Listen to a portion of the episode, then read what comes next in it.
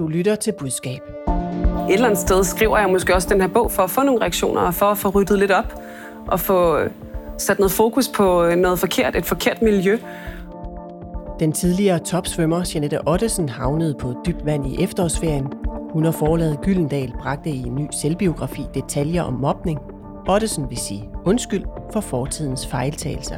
Men Ottesen endte i stedet med at undskylde for overhovedet at skrive om mobningsdetaljer i sin nye bog. Burde forlaget egentlig sige undskyld? Kunne al balladen have været undgået med bedre indsalg? Og er klassisk indsalg som PR-strategi i virkeligheden en uddøende disciplin? Jeg stiller spørgsmålene, mine eksperter giver svarene. Mit navn er Line Arnlund. Emil Nielsen, har du nogensinde været ude i en dobbelt undskyldning i en sag? En dobbelt undskyldning? Ah, jeg tror, jeg plejer at nøjes med en enkelt undskyldning, hvis det kommer så vidt. Ja, velkommen. Du er pressechef hos Danmarks Naturfredningsforening. Ida Strand, har du måttet sige undskyld, og så bagefter undskyld undskyldningen? Nej, ikke øh, professionelt. Velkommen. Du er kommunikationschef hos Kraftens Bekæmpelse, og jeg skal lige varedeklarere for en god ordens skyld, at danskere jo lige nu kan se Jeanette Ottesen være ansigt på en t-shirt, som Boots.com sælger til fordel for kraftsagen. Det vil sige, at hun er ikke ambassadør for jer hos Kraftens Bekæmpelse, men hun er ansigt på den her t-shirt, bare så det er på plads. Vi begynder dog et andet sted, men med en undskyldning. Faktisk ikke bare en, hele to fra Tisted Bryghus. Vi har det, man kalder vel en dobbelt kovending. Den første undskyldning faldt i lørdags på Facebook fra bryggeriets direktør. Det er vigtigt at pointere, at Tisted Bryghus ikke blander os i politik. Vi er partipolitisk uafhængige og tager afstand for enhver form for racisme.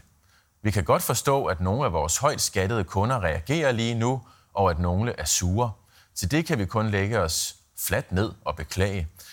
Ja, sådan lød det på Facebook. Tisted Bryghus har i flere omgange lavet politiske partier købe sig til at få deres eget label på en øl. Den mulighed har Socialdemokratiet benyttet sig af. Det samme har SF. Og her til kommunalvalget har nye borgerlige også gjort det. Og det har givet kritik. Og det var så det, direktør Åge Svendingsen ville undskylde for via Facebook.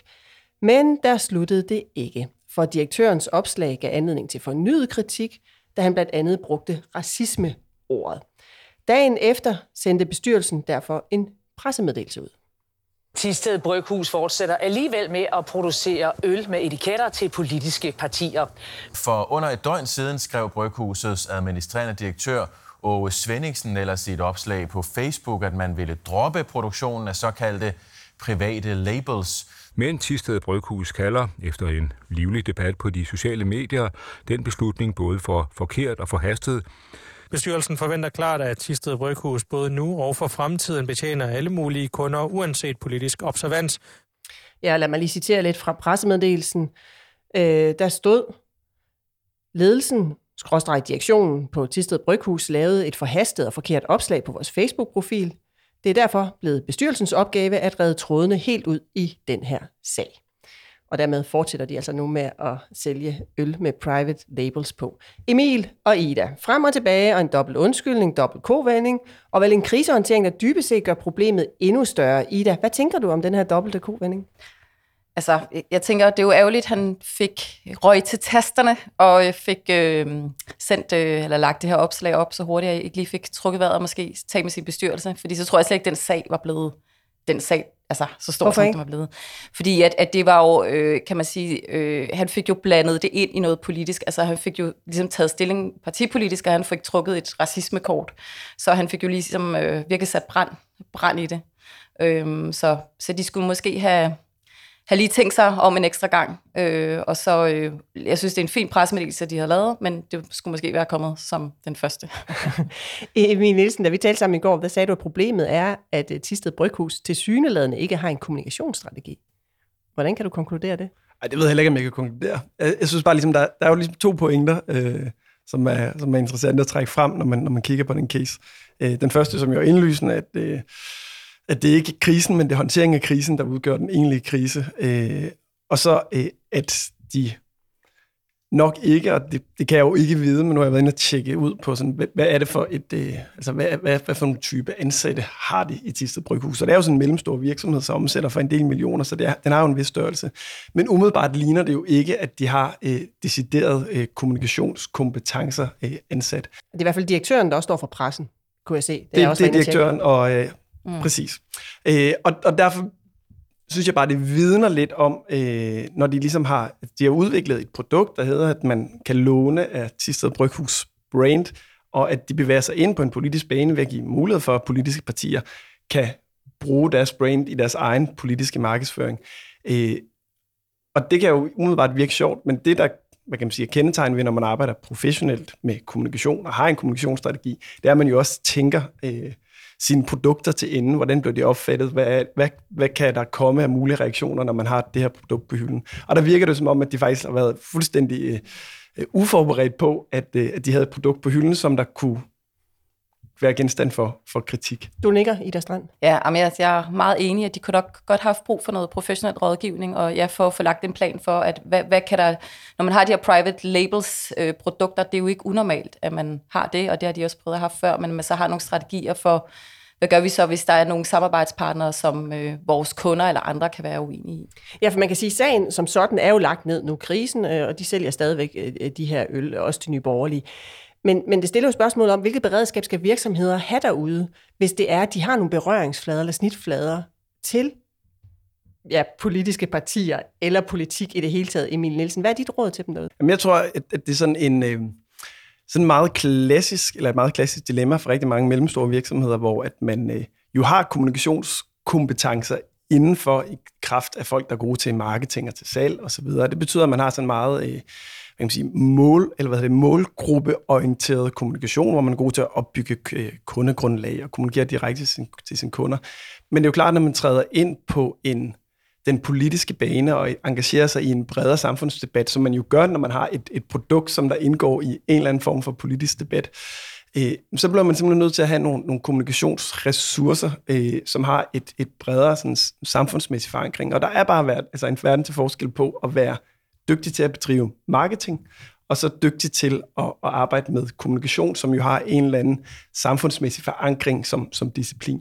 Øh, og der tror jeg, at rigtig mange øh, virksomheder, som, som træder ind på den bane, som Tisted Bryghus jo har gjort ved at have et private label, label-koncept, som de giver ud til politiske partier, jamen så bliver de også nødt til at gøre sig overvejelser over, hvad betyder det her for vores brand? Hvad er det for nogle reaktioner, der kan være? Hvordan indgår vi i en samfundsdebat, og hvordan kan vi forberede os selv på den? Så der skal ansættes nogle kommunikatører i deres strand. er det ja, også dit... Det er en meget smuk point i sådan et program her, ikke?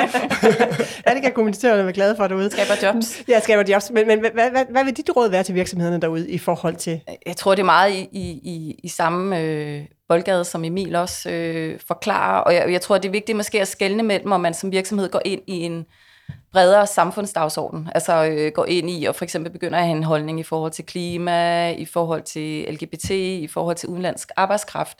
Det er en anden måde ligesom at gå ind og, og have en stemme, og der ser vi jo sådan virksomheder i stigende grad være på banen over de sidste 10-15 år, er der virkelig sket meget på den del. Og så øh, øh, flanken over til, at man begynder at, sådan, at blande sig i noget partipolitisk. Altså det, det er sådan virkelig bare en hårfin balance. Fordi man som virksomhed og som brancheorganisation, som de jo læner sig op af, når de skal øh, få noget igennem politisk, der skal man jo kunne samarbejde med dem, der er magthavere, også når det skifter. Så der skal man ikke forgifte sig med nogen, eller få lagt afstand til nogen. Det er uhensigtsmæssigt. Øhm, så, så hele den der, kan man sige, balance mellem at gå ind og involvere sig, være aktiv, proaktiv i noget samfundsdagsorden, og så flanken over til det partipolitiske. Altså, når man bruger ordet racisme i et opslag på Facebook, for eksempel. Ja, for eksempel, eller bare tage parti i virkeligheden, ikke? Altså, øhm, eller lægge afstand. Det skal man lade være med. At det, det vil jeg i hvert fald synes, øh, at er, er godt at lade være med. eller, eller også så skal man altså, gå, gå hele planken ud. Altså, jeg tror at generelt, at der, at, at der er jo en, en, en efterspørgsel for, for, for kunderne bredt set om at skulle have virksomheder, som, som har et engagement og, og tør mene noget. Øh, og, og det kender jeg ikke øh, bryggeribranchen godt nok til, og hvordan markedsanalysen er. Men, men jeg tror da øh, sagtens, at, at man kan vinde noget på at være ude og gå ud og være sådan et aktivistisk øh, bryghus, som der øh, har nogle meget klare holdninger, og også tør engagere sig partipolitisk. Men så må de jo vælge at gøre det. Øh, nu gør de jo begge dele på samme tid, og det kommer man næppe særlig mange øh, særlig langt med. Tak. Jeg skal jo lige sige, at vi har været i kontakt med direktøren, Åge Svendingsen, og bestyrelsesformanden Werner Jensen, men ingen af dem ønsker at kommentere sagen her i budskab.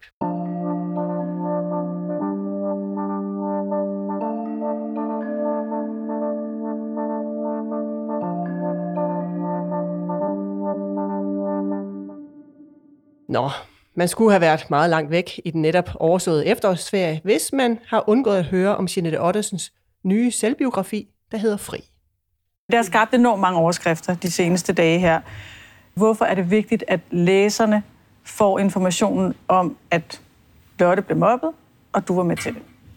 Jamen, det er vigtigt for mig, fordi at, øhm, at der er intet i det, der er okay. Der er intet i det, som jeg har det godt med. Og jeg synes, vi var i en kultur, hvor at der var rigtig mange, der var rigtig mange forkerte ting, øhm, og det her var en af dem, og det er en af de ting, som hvis jeg kunne, ville jeg lave dem om. Ja, den tidligere topsvømmer har som afslutning på sin karriere valgt at udgive en selvbiografi om sit liv som topsvømmer. Hun beskriver blandt andet i bogen, hvordan hun og andre på svømmelandsholdet gennem flere år mobbede en af de andre svømmere, nemlig Lotte Fris. Ottesen selv fortryder i dag, at hun var medløber på mobningen, og hun skriver derfor undskyld i bogen. Men den undskyldning faldt ikke i god jord. På sociale medier reagerede flere straks kraftigt, da de læste foromtalen af bogen på tv2.dk.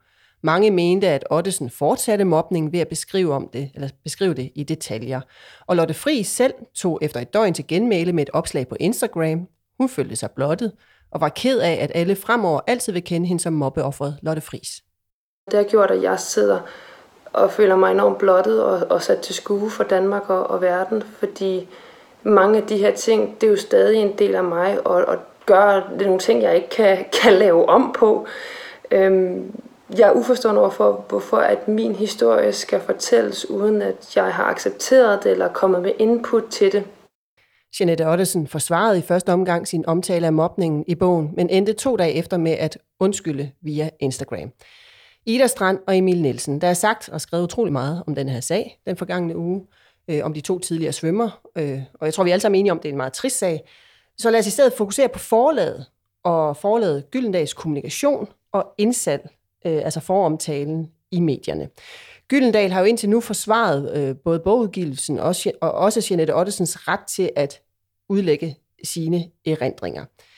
Øh, vi har her på Budskab talt med Gyldendal om deres kommunikation og lanceringen af bogen. Medie- og kommunikationschef Niels Overgaard siger, at han ærger sig over ordlyden i de afsnit i bogen, der handler om mobning af Lotte Fris der er ikke nogen i hverken øh, dem, der har skrevet øh, bogen herinde, eller redigeret bogen som på redaktionen, eller i presseafdelingen, eller i marketing, eller nogen som helst andre steder, som har ønsket, at det, at det, det skulle kunne blive opfattet på den måde. Og hvis vi havde fanget det, så havde vi så selvfølgelig gjort det om. Det er jo også det, Jeanette har været at sige øh, meget entydigt, at, øh, at det, er jo, det er jo virkelig ærgerligt, når man øh, kommer til, at, at det kan læses som det modsatte af det, det er det, det, er jo, det er jo virkelig en ærgerlig situation for alle, og det er der ikke nogen af os, der har interesse i. Så det ville vi da ønske, at vi havde fanget, øh, både i redigeringen og, og i pressearbejdet og alle mulige andre steder. Øh. Men du henviser til, at Jeanette Ottesen har været ude at skrive, og jeg tænker, det er hendes øh, Instagram-opslag, du henviser til her. Men jeg er nysgerrig for at høre, når du siger, at I vil ønske, at I havde fanget det i redigeringen og i pressehåndteringen, hvor I som forlag vil ønske, at I havde gjort noget anderledes her vi er jo medafsender, vi er jo sammen med, altså, vi er jo afsender af den her bog, og, og, og når noget bliver misforstået som det modsatte af det, det er ment, så er der jo ikke, så, så er der jo ikke nogen øh, rettænkende mennesker, som ikke ville, ville, ville lave, lave sig over, det, at, at de, de formuleringer ikke var lidt anderledes. Altså, det, det ville da være bizart at påstå andet. Men han siger også til os her på budskab, at man ikke skal regne med at se Gyldendal gå ud og beklage beskrivelserne vi, vi har jo prøvet at lægge en linje, som gør, at vi stadig kan være publicister og rent faktisk udkomme med, øh, med bøger, uden, uden at lade os redigere omverdenen.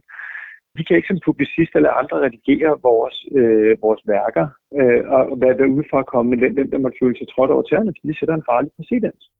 Ja, Emil Nielsen. Hvad siger du til den kommunikation, du hører her fra Gyldendal? De ærger sig, men de beklager ikke noget. Altså, jeg synes virkelig, at det er øh, det er en svag beklagelse, og jeg, øh, altså uden at være ekspert i, hvordan man bedriver forlagsvirksomhed, øh, så, så synes jeg, at... Men det er vel, fordi han ikke vil beklage, tænker jeg. Jamen, at du altså, siger, det, det er svag beklagelse. Ja, ja, det er det. Altså, at det er jo sådan en... Øh, jamen, jeg er ked af, at folk opfatter det anderledes, end at det var tiltænkt, og vi havde nogle, øh, nogle meget øh, grundige publicistiske overvejelser i forhold til at udgive den her bog, der handlede om at være med til at starte en debat om mobning og så videre, så videre. Øh, han ligger sig jo ikke ned, han beklager ikke, han påtager sig heller ikke sin del af ansvaret, synes jeg. Øh, jeg synes, Gyllendals øh, rolle i hele den her sag er, er, er stærkt problematisk, fordi man kan sige, det, det her, den her bog er jo ikke, og han siger det jo endda selv, det er jo ikke Janette Ottesen, der siddet på sit studerekammer og skrevet en bog, og så har hun gået tur rundt til en, en masse forlag og spurgt, hvem vil udgive den. Øh, det er jo en samskabelse mellem øh, forlag og, øh, og, og forfatter. Øh, og derfor har de jo også et kæmpestort ansvar for, at, at indholdet af den bog er noget, de kan stå på mål for, og det kan de ikke. Og der vil jeg synes, at, at det havde klædt forlaget at komme med en utvetydig beklagelse og påtage sig deres del af ansvaret. Hvad skulle de beklage, synes du? Jamen, de, skulle da, de, de skulle da have beklaget, at, det, at den, her, den her passage ikke er redigeret ud af bogen, øh, og at den har øh, afstedkommet øh, hvad kan man sige, den kritik, men jo også, at der er et reelt offer i den her sag, en, en, en, en, en hvad kan man sige, eks-tidligere kollega øh, for uh, Jeanette Ottesen, som jo er blevet forulæmpet af den bog, som de har været øh, ude, og, eller de har, de har været medopsender på. Og der synes jeg jo sagtens, havde klædt forlaget at give en utvetydig beklagelse og undskyldning til hende. Øh, og så kan man sige, tit er det jo sådan, når man, øh, når man er ude i disciplinen, der hedder at skulle give undskyldninger øh, og beklagelser osv., en ting er, hvad man gør med ord, men noget er også, hvad man gør med handling. Og, og de har i hvert fald ikke efterladt et indtryk af, at de har handlet på, på det her, at der er noget, de har gjort galt, og noget, de vil gøre anderledes en anden gang. Tværtimod så øh, sidder de og holder alle mulige fine publicistiske principper op, om at øh, de kan ikke gå ind ad en vej, hvor at man begynder at, øh, at reagere på en eller anden offentlig kritik øh, og lade hvad kan man sige, offentlighedens modtagelse af en bog, være med til at redigere et værk, altså, ja, det, det, det lyder meget akademisk og fint det hele. Men, men, men vi har jo før snart talt om her i budskab meget det her med undskyldninger, at man, man skal kun undskylde og beklage, hvis man virkelig mener, man har noget at undskylde beklage. Altså for eksempel ligesom Tisted og Bryghus, de mener virkelig, de har noget at beklage. Ikke? Hvis nu Gyldendal virkelig ikke mener, de har noget at beklage, fordi deres intention har været at skabe en debat i deres strand, hvorfor skulle de så sige undskyld? Øhm, men altså, det, det er jo, altså det kan man sige, hvis de, hvis de ikke synes, de skal det, så, så skal de vel ikke det. Nej, men synes du, de skulle sige undskyld? Øhm, jeg synes i hvert fald, at øh, jeg, jeg kan jo godt se, jeg, jeg er til dels enig med Emil, men jeg kan også godt se det, hvis man skal se det fra deres side, den, altså, den klemme, de er i. Ikke? Fordi de åbner jo sådan ligesom en borgport i forhold til det her med, nu kan man sige, de der fine publicistiske principper, og det er jo rigtigt nok. Øh, men, men det er jo det der med, hvornår, hvornår kan man sådan, øh, gå ind og, og, og, og kræve redigering eller omredigering eller sådan noget af bøger og værker osv. Men måske kan man sige, i den her sammenhæng, hvor det er en erindringsbog, og hvor man hvor hun hiver andre mennesker ind, og så en, øh, en, en svømmekollega, som også bliver sat frem. Der, der kan man måske godt sige, der kan man gøre en undtagelse.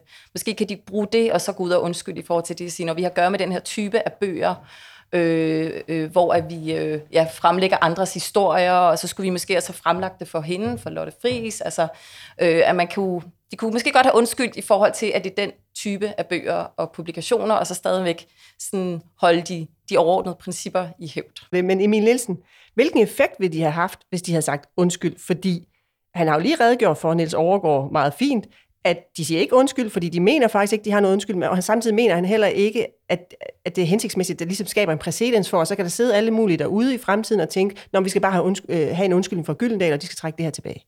Så hvilken effekt vil det have? Jo, altså, der er der sikkert helt, altså, alle mulige fine øh, overvejelser, de skal gøre sig. Jeg synes bare her, øh, øh, her ville det have klædt dem, og øh, helt utvetydigt sige, det er en fejl, det er vores skyld, det er vores ansvar som, som forlag, det er os, der har haft en redaktør tilknyttet. Vi har simpelthen ikke, øh, ikke fanget denne passage og givet, øh, øh, lavet godt nok redaktørarbejde i den her proces, og derfor er der kommet et afsnit med i den bog, som ikke skulle have været der. Øh, og det er vi frygtelig ked af, og det beklager vi øh, meget kraftigt over for Lotte Friis, at hun skal opleve det på den her måde. Det er vores ansvar. Og man kan sige, i, for Gyldendal er der jo ligesom to elementer i, i, i, i den her sag. Der er jo dels øh, deres øh, man kan sige, relation til omverdenen, hvordan opfattes de, men der er jo også på en eller anden måde, har de jo også et særligt ansvar i forhold til den forfatter, der er gået til dem for at udgive en bog, eller om det har været omvendt, at det er Gyldendal, der har tilbudt øh, Janette Ottesen og, og få udgivet sine erindringer hos dem. Øh, og, og der tænker jeg da ikke, fordi jeg har øh, særlig meget pænt at sige om Janette Ottesen og, og, og de afsnit, der er i ens bog, men der kaster de da også lidt hende inden for en bussen i hele den her sag, og lad, øh, lad hende tage ansvaret alene. Og der men, synes jeg da men godt, de at de ligesom får... op om hende i pressen. Altså, de siger, de bakker hende op. Og, men omvendt kan man sige, det er deres ansvar som, som redaktør at give en, øh, en tidligere sportsstjerne den nødvendige rådgivning i, i både markedsføringen af bogen, men også i, i bogens tilblivelse. Øh, og der synes jeg, at de er svigt, og derfor havde jeg også forventet, at de skulle have stillet sig mere op øh, og taget den beklagelse også på vegne af hende og hjulpet hende. Ikke? Så lad os se på, hvordan hele den her ballade opstår. For der er jo skrevet en bog, den skal udkomme, og Gyldendal gør så det, som er helt almindelig øh, praksis for dem. Gyldendal har forud for bogudgivelsen sendt anmeldereksemplarer ud til flere medier. De var i dialog med TV2 og BT om at bringe uddrag fra bogen, og TV2.dk vil så gerne lave en historie med udgangspunkt i siderne om blandt andet mobning. Det fik de lov til, og så kørte den så ligesom derfra, som vi lige har talt om. Emil Nielsen, hvis du ser på Gyldendals PR-strategi, kunne de så med en anden strategi have undgået, altså nu er bogen skrevet som den er, der skal være en eller anden omtale, kunne de med en anden PR-strategi have, have undgået al den her ballade? Nej. Hvorfor ikke? Nej, jeg tror bare, at øh, øh, hvis lorten er stor nok, øh, så er det svært at få den, få den til at være med at lugte. Øh, de kunne jo sagtens have lavet et, øh, et andet type indsalg, hvor de havde slicet andre dele af en bog, hvor der er en masse ellers kuriøse og sikkert interessante øh, kapitler. Øh, og så kunne de godt have haft en anden indflyvning til, øh, til, til at bogen blev, blev offentliggjort. Øh, men det er bare stadigvæk så opsigtsvækkende, det afsnit, der er i den bog om Jeanette Ottesen og den mobning, der er af Lotte Fris. Øh, og der er et offer, som er Lotte Fris. Øh, så det vil bare være så stor og stærk en historie, at den vil komme til at, at fylde, om det så var fra dag 1 eller dag 5, det tror jeg, jeg er under. De vil ikke kunne have undsluppet at have den debat, som vi er i nu, med, med, med den bog, der, der lavede. Det, det, det kan jeg simpelthen ikke forestille mig. Ja, I skal lige prøve at høre, fordi vi selvfølgelig spurgt uh, Niels Overgaard uh, om, hvad han siger til det i bagklogskabens ulideligt klare lys, og han siger, at det er jo nemt at være bagklog, men at de simpelthen ikke kunne have forudset den her shitstorm. Uh, I skal lige høre, hvad han siger. Jeg ville gerne selv øh, være skråsikker og sige, at hvis jeg havde læst hele bogen i forvejen, ville jeg lige have fanget, at de passager var slemme. Men når man læser i en kontekst af alle de voldsomme ting, som Jeanette Ottesen og hendes, hendes holdkammerater på diverse svømmehold har været udsat for som børn, så fremstår de linjer bare ikke lige så dramatiske, som de gør, når man tager dem ud. Ja, Ida Strand. Ja. Hvis du havde siddet og skulle lave indsalg på denne her bog, at det havde været din opgave, vil du så have forudset, da TV2.dk ringer og siger, hey, vi vil gerne bringe det der omkring mobning, at det så kunne generere så stor en shitstorm, som det har gjort? Altså hvis det er på den måde, de har fået fremlagt det fra TV2, at det var den vinkling, så vil jeg måske have, have skyndt mig tilbage og, og lige øh, taget fat i, i baglandet og, og set, om der var, man skulle lave noget beredskab eller gøre sig nogle overvejelser i hvert fald. Men jeg er ret enig med Emilie. Jeg tror ikke, man kan styre det sådan noget igennem indsalg. Altså indsalg gør man jo også, fordi man vil gerne have noget gratis markedsføring. Øh, og det må man jo så sige, de har fået. Øh, øhm, og, øh, og, og de må stå inden for det produkt, de ligesom kommer med øh, og, og lancerer. Øh, så, øhm. Men Emil Nielsen, vil du have forudset, hvis du havde læst den her bog igennem inden for forlaget, at her ligger der en bombe, som vi risikerer, at vi overhovedet ikke har kontrol over? Det er jo altid lidt at være mandagstræner, ikke? Ja, men det er jo så det, der er jeres privilegium i det her ja, program. Det, det. det vil jeg da håbe. Altså, jeg tænker, at det, det vil en, øh, burde vel være en naturlig del af, øh, af den risikoanalyse, man burde lave, når man går ud og, og, øh, og markedsfører en bog øh, og laver det her type indsats. Hvad er det for nogle mulige kritiske historier, der kan afstedkomme? Hvad var svar på dem? Hvordan håndterer vi dem? Ikke? Øh, og, og det skulle man jo have gjort både i, i redigeringen af selve bogen, men man skulle selvfølgelig også have gjort det i, øh, i selve indsalget. Ikke? Øh, og det er jo klart, at hvis man havde siddet der som et, et dygtigt øh, pressemenneske i Gyldendal og læste det afsnit og tænkte, shit, nu, øh, nu rammer der en shitstorm. Men så kunne man måske have, have haft brugt lidt tid på at forberede sig øh, bedre, eller fået øh, sendt den beklagelse til Lotte Friis for inden. Eller jeg ved ikke, altså man, man kunne have gjort noget som... Bringe sig på forkant, ja. Ja, altså man kunne have man, man har bragt sig i en mulighed, hvor man kunne have håndteret det bedre. Jeg tror stadigvæk, det bliver svært her, fordi det er så sprængfarligt, det afsnit, der er i den bog. Men, øh, men skal man i virkeligheden i deres strand ja. have et beredskab liggende på alle de problemstillinger, der er i sådan en bogudgivelse? Det tror jeg, der er en meget god idé. Altså, øh, øh, at, man, øh, at man ved, hvad det man sætter gang i, når man kommer ud med sådan en udgivelse. Øh, og hvad er det for nogle problemstillinger, der bliver beskrevet? Er der nogle mennesker, der bliver taget frem eller hævet frem osv., øh, at man har gjort sådan nogle tanker omkring det, og måske også har taget kontakt til dem på forkant. Altså, jeg, ved, jeg ved ikke, hvad dialog der har været med nogle af dem, der bliver portrætteret øh, ud over... Øh, altså, jeg ved, Lotte Friis blev ringet op ugen inden af Jeanette Ottesen, som sagde, at det bliver omtalt i bogen. Der er så uenighed om, om hvor meget hun så har vidst og så videre med, og jeg vil jo gerne lige sige undskyld til, undskyld til dig, inden det kommer. Mm, mm. Men jeg kan ikke lade være med at spørge, fordi Ida Strand, da vi talte i går, altså nu kan jeg så forstå, I, I, I vil ikke kunne sælge den her bog bedre, end, end Gyldendal har gjort, som jeg hører jer. Ida Strand, du sagde til mig i går, da vi talte sammen, at øh, du egentlig tænker, at den her indsatsdisciplin måske i virkeligheden, er ved at være øh, forandret eller forældet, eller trænger til noget modernisering. Hvad er det for nogle tanker, du går med? Øh, jeg, altså, jeg skal ikke kloge mig på indsalg af bøger. Øh, det har jeg ikke øh, gjort mig så meget i. Men jeg kan i hvert fald se, og når jeg taler med øh, mine kollegaer i, i kommunikationsbranchen, øh, at det her med indsalg er blevet sværere over årene. Øh, øh, jeg talte med en god kollega i sidste uge, der sagde, at et øh, større øh, PR-bureau sagde, at de jo simpelthen stoppet med det. Altså, de rådgav deres kunder til ikke at bruge penge på det, fordi de synes ikke, de fik nok ud af det. Øh, at de vil hellere øh, øh, kan man sige, få deres dagsorden ud på anden måde gennem alliancer og gøre nogle andre ting, og man har også sine egne kanaler i dag, som gør, at man kan udkomme selv øh, udenom om pressen. Øhm, så, så, så jeg tror, der er noget omkring det her indsalg, og det her med, at, at, at behovet for at gerne vil styre det, øhm, at, at, at, at der sker noget i, i, i denne tid, eller disse år, ikke? også i forhold til, at de sociale medier er kommet ind. Emil Nielsen, du er jo en mester i indsalg. Det har jeg altid betragtet dig som, også da du var på Christiansborg. Nu lykkes det jo ikke øh, Gyldendal at styre det her. Det er også det, de siger. Det kan man ikke styre. Det er også det, jeg hører jer sige. øh, Styre. Er det også din erfaring med indsalg, at man kan simpelthen ikke styre det, hvor godt man end gerne vil? Og det mener jeg jo noget godt, men, men til en vis grad, øh, man, man, kan, øh, man kan jo i hvert fald sikre sig, at, øh, at man kun giver så meget af, af en sag eller en historie, så at man også er nogenlunde sikker på, hvad det er, der bliver gengivet igen. Ikke? Øh, det, kan, altså, det er jo svært, når man udgiver en hel bog, fordi så kan der jo gemme sig alt muligt. Ikke? Men, men hvis man er, gør sit forarbejde godt og skærer sin kommunikation til, så er man jo også nogenlunde sikker på, øh, hvordan en historie vil, vil, vil blive gengivet øh, i medierne. Så Gyldendal skulle kun have givet et kapitel, som så var et andet kapitel, eller hvad? Jamen, jeg tror, altså, nu har vi jo redegjort for, Ja, ja, hvorfor det har været svært, ikke? Øh, Og og det er jo klart, hvis, hvis man skal måle det på, øh, hvad vil den første omtale af bogen være, så kunne de jo godt have skåret den anderledes. Øh, Men, men, men de kunne ikke have øh, forhindret at få den diskussion, vi har nu, fordi kapitlet vil være i bogen.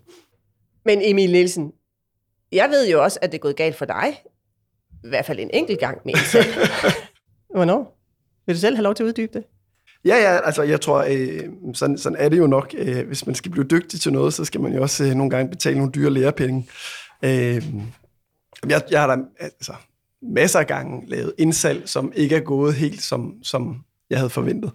Øh, og bare sådan det, det eksempel, der øh, sådan springer mest kraftigt frem, var øh, lige sådan kort tid efter, jeg var startet på Christiansborg, øh, mener jeg, at der skulle være forhandlinger om... Øh, øh, omlægning af registreringsafgiften og alt muligt andet, og vi sad der, jeg arbejdede for Enhedslisten dengang, øh, og vi har lavet sådan et stort, forkromet, meget klassisk øh, Enhedslisten-udspil med en massiv styrkelse af den offentlige transport, øh, billigere busser, øh, flere tog osv., øh, og lavet et fint gennemarbejdet udspil med finansiering, og der var ikke, øh, der var ikke noget, der manglede der.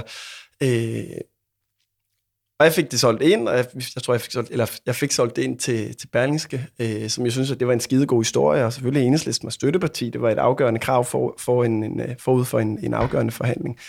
Øh, og det kørte ligesom, øh, der blev lavet interviews, og jeg fik at vide, at den skulle køre på forsiden, og det var super fint, og jeg var en rigtig dygtig øh, presserådgiver, der havde formået at sælge vores historie ind, indtil at jeg der om lørdagen øh, i efterårsferien, hvor jeg ellers skulle være sammen med min familie, måtte åbne øh, Berlingske og kunne se på forsiden, at øh, den historie, jeg havde forventet, skulle hedde noget i retning af, sådan vil enhedslisten massivt styrke den kollektive transport, i stedet for at hedde, sådan vil enhedslisten brandbeskatte danske bilejere, sådan blev du ramt.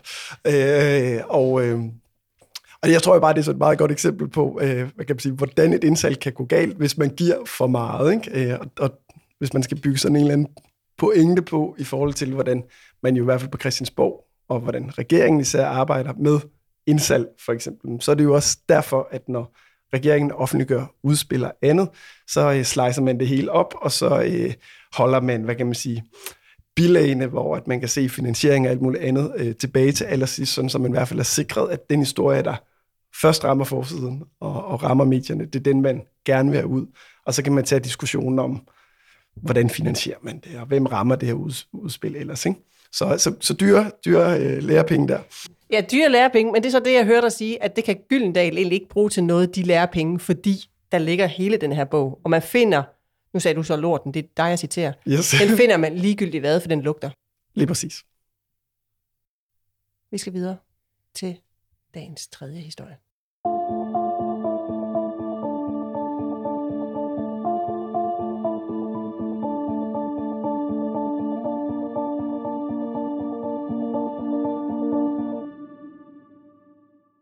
Ida Strand og Emil Nielsen. Vi skal runde udviklingen hos den kriseramte radio, nemlig Radio Loud. Radiostationen har nu ansøgt Radio- og TV-nævnet om at skifte navn til 24-7, for som programdirektør Simon Andersen skriver i en pressemeddelelse. Loud-navnet er så medtaget, at det står i vejen for, at de fremragende programmer, der laves og vil blive lavet, kan slå igennem. Derfor vil vi skifte navn til 24-7. Vores eksperter her i budskab, Karne Lykkebo fra Gel Maiken Kise og Steffen Hjaltelin fra Hjaltelin Stal, har tidligere anerkendt den idé. Du tænker en god idé, kan jeg se på dig måske? Jeg tænker, hvad kan de ellers gøre? Altså helt grundlæggende, hvad kan de ellers gøre? Altså jeg gad godt at have været med i de møder, hvor det blev overvejet. Fordi de er sikkert også selv kommet til at grine. Altså fordi det er simpelthen for tykt. Men når så tanken den først sætter sig øh, på en, netop fordi det er så utrolig svært at få, øh, få ørenlyd for et nyt navn, at trænge igennem med det. Det tager tid, tid, tid, tid, tid, og det koster penge, penge. Øh, og ved at tage 24-7, øh, så har du øh, diskussionen lige med det samme. Det er sådan noget, når man først har fået ideen, så er det det er helt med svært at tage et andet navn. Ja, om der så kommer et navneskifte, det ved vi først i næste uge, når Radio TV-nævnet holder møde torsdag den 4. november. Og det kommer i givet fald så til at gælde fra 3. januar 2022. Mange, øh, også medier, har i en forgangne uge efterspurgt uddybende kommentarer fra Berlinske Medier, der jo er hovedejer af Loud. Øh, folk ønsker dels en forklaring på navneskiftet, men også på, at Berlinske Medier får 65 millioner kroner om året til Loud, der jo er 100% statsfinansieret. Men Berlinskes, eller Berlinske Medias koncernchef, Anders Krab Johansen, ønsker ikke at udtale sig før mødet hos Radio TV-nævnet. Det lød blandt andet sådan her på Deadline, eller i Deadline på DR2. Vi har inviteret Berlingskes administrerende direktør Anders Krab Johansen og egentlig givet ham sådan frit slag til, hvilken dag han egentlig havde mest lyst til at komme her i Deadline. Han valgte dog at springe over, som det blev formuleret, og det er vi sådan lidt ærgerlige over. Ja, det betød blandt andet, at kritikken fra konkurrenten Zetland stod uimodsagt. Fra nu af ser det ud til, sandsynligvis, kommer vi til at putte 65 millioner kroner om året ind i en stor medievirksomhed – øh, som kan udvikle deres egen digitale øh, lydplatform øh, med de penge, og dermed skævvride konkurrencen helt vildt på det private mediemarked. Vi har her på Budskab forsøgt at få en kommentar fra Anders Krab om hans kommunikationslinje, men han har ikke ønsket at stille op og skriver til os, vi har ikke flere kommentarer, før Radio TV-nævnet har afgjort sagen. Altså samme linje over for os, som over for alle andre medier. Så har jeg et spørgsmål til jer. Ja, nej, øh, Ida og Emil. Skal Anders Krab Johansen stille op og forklare sig ikke bare hos os, men hos alle de andre medier. Ja eller nej, Ida Strand? Øh, hvis jeg skal være hans rådgiver, så siger jeg øh, nej. Jeg synes, det er fint, at han afventer afgørelsen. Ja. Hvad siger du, Emil? Ja eller nej? Måske. Okay, det var ikke en af valgmulighederne. Oh, sorry. Hvorfor måske, Emil Nielsen? Ah, altså, øh, altså nu, nu det her det er jo et, øh, et, et kommunikationsprogram, øh, og derfor må man ligesom vurdere, hvad er... Øh, hvad opnår han kommunikationsmæssigt ved ikke at stille op? Øh, og, og, og der tror jeg, øh, vi har også diskuteret det mange gange tidligere i det her program, øh, altså der er der jo altid nogle omkostninger ved ikke at stille sig op og, og give ens perspektiv på en, en kritisk historie eller en kritik. Øh, og selvfølgelig er, er der en omkostning forbundet med, når man har den, øh, den afrunding på deadline, hvor at det, man bliver udstillet som værende en, der ikke vil stille sig op og forsvare ens dispositioner. Øh, men så er det jo altid sådan, at der jo, altså kommunikation er jo kun et hensyn, der er også alle mulige andre hensyn, og, og det kan jeg simpelthen ikke vurdere, om øh, hensynet til øh, øh uh, radio-tv-nævnet og deres afgørelse øh, vægter så tungt, at man ligesom må tage nogle slag øh, på den sådan brandingmæssige øh, kappe. Og det virker vel til, at det, det, er, det, det er den øh, konklusion, Anders Krabbe kommer frem til. Og, og så må den vel også være, være gennemtænkt rigtigt. Øh, man kan have alle mulige holdninger til ham, men, men han slår mig ikke som værende en, øh, en, en ikke uh, strategisk type.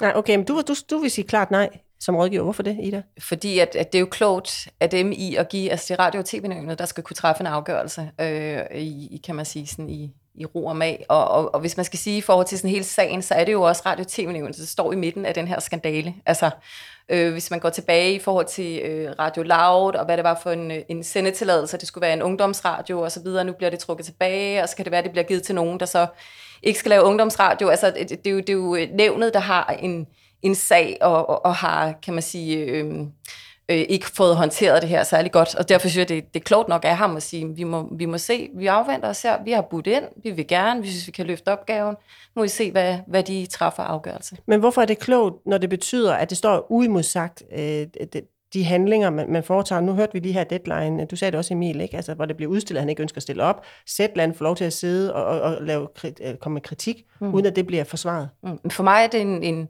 en legitim øh, forklaring, at man siger, at, at der er en proces i gang, og vi afventer afgørelsen, så vil vi godt gå ud og kommentere på det, på kritikken. Ja, hvad tænker du, Emil? Altså, fordi du siger, at du, du, du kan godt lidt forstå det, men så alligevel ikke. Vil du hælde til, at man skulle stille op? Jeg synes altid, at jeg har hørt dig sige, at man skal stille op. Ja, ja. Jamen, det tror jeg også, jeg har som, som, som udgangspunkt. Øhm. Men altså, og jeg synes, det er svært, fordi altså, jeg kender ikke mellemregningerne. Jeg aner simpelthen ikke, hvordan øh, radio-tv-nævnet øh, fungerer, og øh, hvorvidt at der er en reel chance for, at en, en medieoptræden og vil engagere sig i, i en debat om, om berlingske mediers ageren, vil kunne kompromittere og besværliggøre, at, øh, at de kommer igennem med både navneskift og opkøb osv. Og øh, så, så det vil jeg faktisk gerne undslå mig at svare Men hvornår er, det så, du synes, det giver, hvornår er det så, du synes, det giver mening at give sig selv mundkurv på? Øh, jamen, altså, jeg synes jo altid, når, når, man, når man står i, overfor en, en kritisk historie eller en kritisk sag, så skal man jo altid gøre sig selv den vurdering, der hedder, øh, hvad vinder jeg, og hvad taber jeg ved ikke at stille op? Øh, og, og hvis ens vurdering er, at man taber mere ved at stille op og forsvare sig, øh, jamen så skal man jo lade være. Øh, og man kan sige, øh, uden, uden, at, uden at kende øh, Anders Krabs overvejelser, Berlingske Medias overvejelser, Øh, så nogle gange kan det jo også godt være en strategi, når man står over for, hvad kan man sige, kritiske historier, at det, kritiske historier, de, de, øh, de lever jo også på, at der er en at der er to parter til at tage en konflikt. Og, og nogle gange kan man jo godt vinde man kan sige, slaget ved at, at undlade at stille op og, og tage hvad kan man sige, den anden position, fordi man så simpelthen øh, altså, sikre, at, at debatten ikke lever videre. Så lever man med, at der er en kritisk omtale i Berlingske, øh, eller undskyld, i, i Deadline øh, den ene aften, og så er der lidt øh, ballade på Twitter og LinkedIn, og hvor det ellers skal være, og så fordi man ikke antager eller indtager modpositionen i den debat, jamen så kommer der ikke en opfølgning. Øh, og, og det kan jo være, jeg ved ikke om det er en legitim strategi, det kan i hvert fald være en, en strategi til at håndtere øh, øh, kritiske sager. Øh, men jeg tror bare lige i den her sag, der, der slipper Anders Krab ikke for at skulle forholde sig til det, for selvfølgelig er det, et, et, er det så opsigtsvægtende move, både med navneskift og, og med den legitime kritik, som også kommer fra Zetland og andre i forhold til statsstøtte til et medie, som er borgerligt og ellers normalt problematiserer statsstøtte osv. osv. Så, så, så debatten skal nok komme. Ja, og den kommer så, om ikke andet så næste torsdag, når de træffer en afgørelse. Ida Strand, hvad er så dit råd til ham der? Nu har du fået lov til at være så. Øh, så skal han jo ud og, altså, øh, alt efter hvordan rådets afgørelse falder ud, skal han jo ud og, og forklare og, og forsvare og... Øh, altså øh, at stå på mål for de ting, der er det jo vigtigt, de, de er hurtigt ude. Og så vil jeg også sige, altså jeg tror også, at den her sag lige nu, det er jo i Mediedanmark sag. Altså det, det, det, er jo de, de andre medier, og det er jo sådan nogle som os, der er optaget af det. Jeg tror, hvis man altså går sådan ud i det ganske land, tror jeg ikke, der er særlig mange, der er optaget af den her. Og det er jo nok også nogle overvejelser, han gør sig.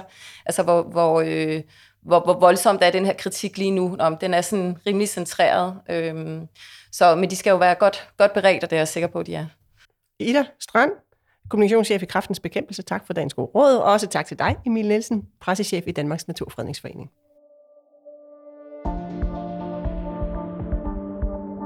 Du lyttede til Budskab, der er skabt af Fagbladet Journalisten. Redaktør er Marie Nyhus. Rakkerpark Productions står for lyd og teknik. I dagens afsnit har du hørt klip fra TV2, TV2 News, P1, Radio 4 og DR2. Du kan abonnere på vores podcast. Giv den meget gerne en anmeldelse på din vej. Mit navn er Line Arnlund. Og husk, ord er ikke bare ord. Tilsammen udgør de dit budskab.